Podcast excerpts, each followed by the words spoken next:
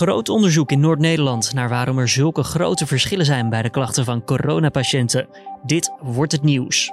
Dus wat we nu proberen te doen is zo snel mogelijk van die mensen van wie we al weten dat ze coronavirusinfectie hebben of hebben gehad, daarin uh, in kijken uh, of er verschil is tussen de mensen met milde en de mensen met ernstige symptomen. Die vraag probeert hoogleraar Lude Franke van het UMC in Groningen samen met vele collega's te beantwoorden. Straks praat ik met hem verder over dit onderzoek. Maar eerst kort het belangrijkste nieuws van nu. Mijn naam is Julian Dom en het is vandaag maandag 30 maart. Tijdens een inbraak in het museum Singer in Laren is in de nacht van zondag op maandag een kunstwerk van Vincent van Gogh gestolen. Het gaat om het werk De Pastorie te Nuenen. Museum Singer werd opgericht in 1956. Werken van de Amerikaanse kunstverzamelaar William Singer vormen de kern van de museumcollectie. In het museum hangen werken van onder andere Vincent van Gogh en Piet Mondriaan. Het Internationaal Olympisch Comité heeft met de Japanse organisatie een akkoord bereikt om de Olympische Spelen volgend jaar op 23 juli van start te laten gaan. Het wereldwijde evenement zou door de nieuwe datum precies een jaar worden uitgesteld. IOC-voorzitter Thomas Bach zei vorige week al dat de Spelen in 2021 gehouden zouden worden, uiterlijk in de zomer. Ook een datum eerder in het jaar was een optie, zeker omdat het in juli en augustus erg warm kan zijn in Tokio. Om die reden wordt de Olympische Marathon in het noordelijke Sapporo gehouden.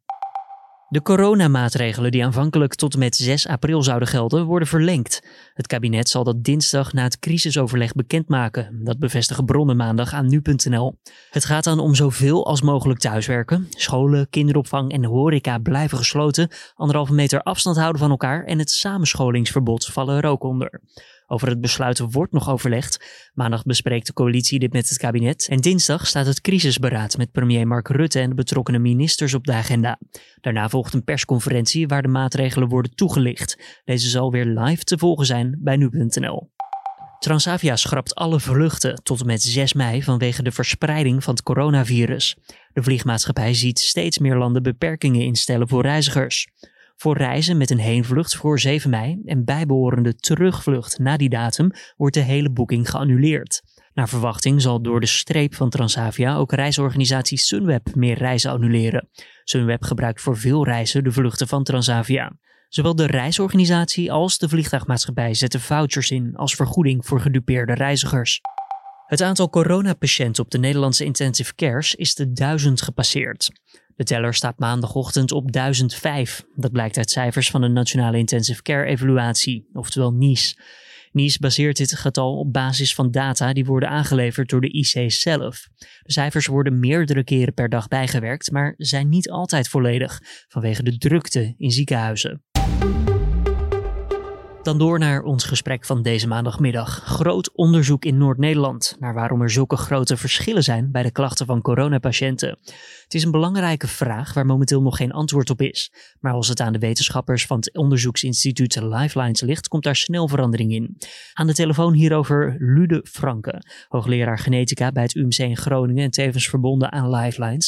En meneer Franke, wat doet eigenlijk een hoogleraar genetica? Nou, wat we proberen te doen is uh, ziektes te begrijpen uh, we weten dat veel ziektes voor een belangrijk deel door omgevingsfactoren worden veroorzaakt, maar ook voor een belangrijk deel door genetische factoren. Uh, en de afgelopen jaren is daar veel meer over bekend geworden. Uh, doordat we nu grootschalig in ziektes die ook veel voorkomen, nu genetisch onderzoek kunnen doen. En de hoop die we hebben is dat we het door beter begrip van de erfelijke aspecten van ziektes uiteindelijk ook kunnen bijdragen om tot betere preventie en op zeker moment ook tot betere therapie te komen. En nu willen jullie ook onderzoek doen naar het coronavirus, of althans de patiënten die het coronavirus hebben opgelopen. Jullie willen weten waarom de een bijvoorbeeld een milde kuch heeft, terwijl de ander vecht voor zijn of haar leven. Hoe, hoe kan je erachter komen waar dat verschil in zit? Een grote vraag is, hoe, hoe zit dat? Uh, daar is niet zo gek veel over bekend. Um, en we, vragen ons af, van, zou dat nu kunnen komen door omgevingsrisicofactoren? Uh, bijvoorbeeld overgewicht, waar de afgelopen dagen veel over is uh, gezegd. Of andere factoren, uh, roken of astma. Ehm, of dat het misschien ook zou kunnen zijn dat het voor een deel erfelijk ook zou kunnen zijn. Nou, daar is tot nu toe eigenlijk nog geen aandacht aan gegeven. En dat is wat we met dit onderzoek proberen te gaan doen. En nou is, wordt dit onderzoek gehouden in Noord-Nederland, de provincies Friesland, Groningen en Drenthe. Waarom precies daar? In Noord-Nederland uh, vindt een grote uh, studie al tien jaar plaats. Dat heet Lifelines. en daar zijn uh, de afgelopen tien jaar 167.000 mensen gevolgd die woonachtig zijn in Friesland, Drenthe en Groningen. dus dat maakt het heel logisch om ook in die populatie dit onderzoek te doen. Ten meer omdat we ook van zo'n 50.000 Lifelines deelnemers inmiddels naar erfelijke informatie kunnen kijken. Oftewel, jullie hebben wat aan de informatie van vroeger die jullie nu kunnen gebruiken op deze situatie, op deze caucus. Precies, ja. Dus de informatie die we de afgelopen jaren met toestemming van ieder van de deelnemers hebben mogen verzamelen, die kunnen we nu gebruiken om te gaan kijken of we uit die informatie in combinatie met symptomen die men nu ervaart, of we daarmee iets kunnen zeggen over de erfelijke basis van het wel of niet krijgen van ernstige klachten bij een corona-infectie. Nou, er moet bij opgemerkt worden dat we dit ook in gezamenlijkheid doen met andere Nederlandse zogenaamde biobanken. En dat we ook internationaal uh, dit, uh, dit samen doen. Om zo snel mogelijk daar uh, inzicht in te krijgen. Ja, ik kan me voorstellen dat jullie inderdaad niet de enige zijn. Want de hele wereld wil waarschijnlijk dit vraagstuk oplossen. Absoluut, ja. Ja dus daarom is ook twee weken geleden het initiatief ontstaan om ook in gezamenlijkheid binnen Nederland, maar ook daarbuiten hier in, uh, in op te trekken. Dus wat we nu proberen te doen is zo snel mogelijk van die mensen van wie we al weten dat ze coronavirusinfectie hebben of hebben gehad, daar uh, in kijken of er verschil is tussen de mensen met milde en de mensen met ernstige symptomen. Maar we zien ook dat we dat in grote hoeveelheden mensen zouden moeten doen. En dat is een reden om het nationaal en ook internationaal met elkaar nu te doen. Nou, naarmate de tijd verstrijkt zullen meer mensen natuurlijk corona hebben gekregen. Uh, dat maakt dat we dan ook uh, nog beter dat inzicht zullen gaan krijgen. Maar we hebben direct uh, gedacht, dit moet nationaal en internationaal in gezamenlijkheid opgepakt worden. Maar nationaal gezien, we hebben, nou dat hebben we de laatste tijd steeds te horen gekregen. Er is een beperkt aantal tests beschikbaar om te kijken of iemand ook daadwerkelijk het coronavirus heeft. Wat doet dat voor jullie onderzoek? Want jullie kunnen, moeten met die beperkte aantallen dus werken. Ja, dus dat, dat is wel een probleem. Maar je, kunt je voorstellen dat we, dat we uh, op, op de volgende manier nu te werk gaan. Um, wij vragen nu aan de mensen: heeft u symptomen uh, de afgelopen tijd gehad die zouden kunnen wijzen op corona? Nou, dat betekent dat we natuurlijk ook mensen zullen uh, hebben die symptomen hebben die lijken op corona, maar die gewoon op een griep terug te voeren zijn. Maar door nu te kijken naar die mensen die uh, symptomen hebben die met corona samen kunnen gaan en dat te vergelijken met mensen die heel gezond zijn en geen uh, ziektesymptomen hebben, hopen we dat we toch enigszins op het spoor gezet kunnen worden van die plekken op het DNA die uiteindelijk ook zorgen dat je een verhoogd risico hebt ernstig ziek te worden bij een corona-infectie. En als we eenmaal die plekken hebben gevonden, dan kunnen we naar die kleinere groep mensen toe met een bewezen corona-infectie en eigenlijk bevestigen of die analyse in die wat grofmazige analyse in het begin die ik net benoemde, ja. ook daadwerkelijk in coronapatiënten terug te zien is. Kunnen, kunnen jullie op afloop ook nog kijken of iemand daadwerkelijk bijvoorbeeld corona heeft gehad, pas uh, met een testje of iets? Dat is een hele goede vraag. En dan kom je uiteindelijk uit bij die serologische test waar het nu veel over uh, gaat. Oh, sorry, wat zijn serologische testen? Dat zijn testen waarmee je aan de hand van het bloed uiteindelijk uh, terug in de tijd kunt vaststellen of iemand een bepaalde infectie heeft gehad. En die is er voor corona nu nog niet. Dus daar wordt heel hard aan gewerkt. En dat zou ongelooflijk waardevol zijn. Want stel nu dat we over een tijdje zo'n test zouden kunnen hebben, dan zouden we het liefst in alle Lifelines deelnemers natuurlijk ook willen kijken wie uiteindelijk wel en wie uiteindelijk niet die corona-infectie uh, heeft gehad. Ja, en, en zo'n serologische test heeft geen houdbaarheidsdatum, dat hoeft niet binnen een x aantal weken afgenomen te worden? Dat, dat, ik ben geen deskundige op dat onderwerp, maar dat is iets wat je wat later, uh, vaak nog na maanden, als ik het wel heb, uh, nog kunt vaststellen. Ja.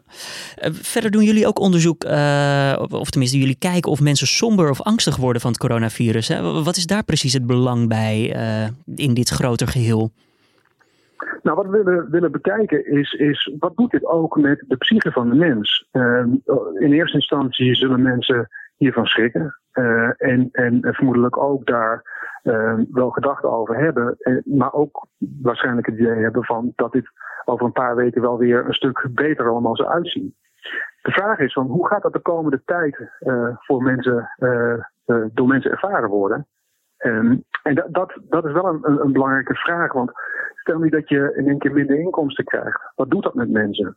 en kunnen we daardoor beter uiteindelijk ook op een zeker moment daar iets over leren. Wat zo'n grote pandemie als deze, wat het daadwerkelijk ook doet met, met mensen.